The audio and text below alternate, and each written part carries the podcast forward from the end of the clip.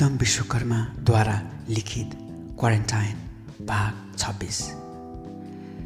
राजीव पनि अरू जस्तै यस लोकमा एक्लै आएर एक्लै गएको थियो। बेडबाट लास उठाएपछि उसँग भएको फोन वालेट नर्सले सुरक्षित राखिदिएका रहेछन्। वालेटमा उसको ड्राइभिङ लाइसेन्स केही क्रेडिट कार्ड केही पुराना कागजका टुक्रा टुक्री थिए। अनि थियो पार्वती र छोराको सानो फोटो जुन वालेटको भित्रपट्टि थियो। यसबाहेक डलरका केही नोटहरू पनि थिए। नर्सले सुरक्षित साथ उक्त वालेट र फोन पार्वतीको ठेगानामा पठाइदिए। पार्वतीले त्यो वालेट पाउना साथ खोलखाल पारिन्। आफ्नो र छोराको सासानो फोटो राजीवको वालेटमा जतन साथ राखेको भेटेपछि उसले आफूलाई अत्यधिक माया गर्ने कुरामा उनी झन् प्रष्ट भइन्। यो सम्झेर राजेप्रतिको माया झन् छचल्कियो। सच्चा प्रेमको प्रत्याभूतिले फेरि अङ्कुरण हुन पुग्यो।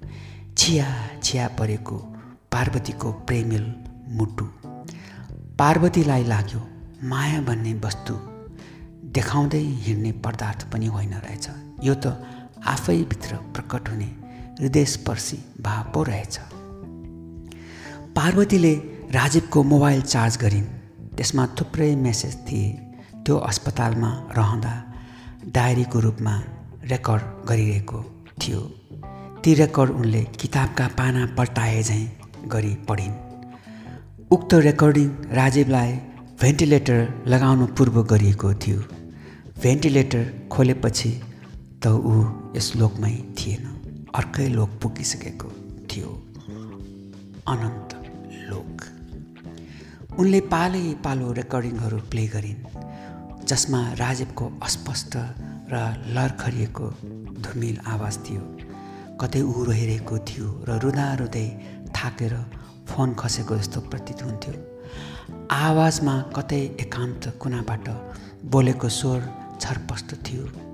उसका पीडा र क्रन्दनका शब्दले भरिएको आवाज र रुवाई ऐया ऐया भन्दै सुसाइरहेको स्वर थियो फोनका भित्ताहरूमा।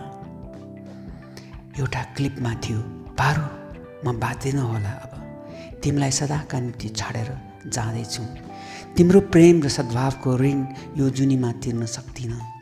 अर्को जुनीमा यसै गरी भेट हुन सक्यो भने अवश्य तिर्नेछु। माफ गर मलाई। किनकि मेरो जुन कसम थियो सँगै बाँच्ने सँगै मर्ने त्यो पनि पुरा गर्न सकिनँ।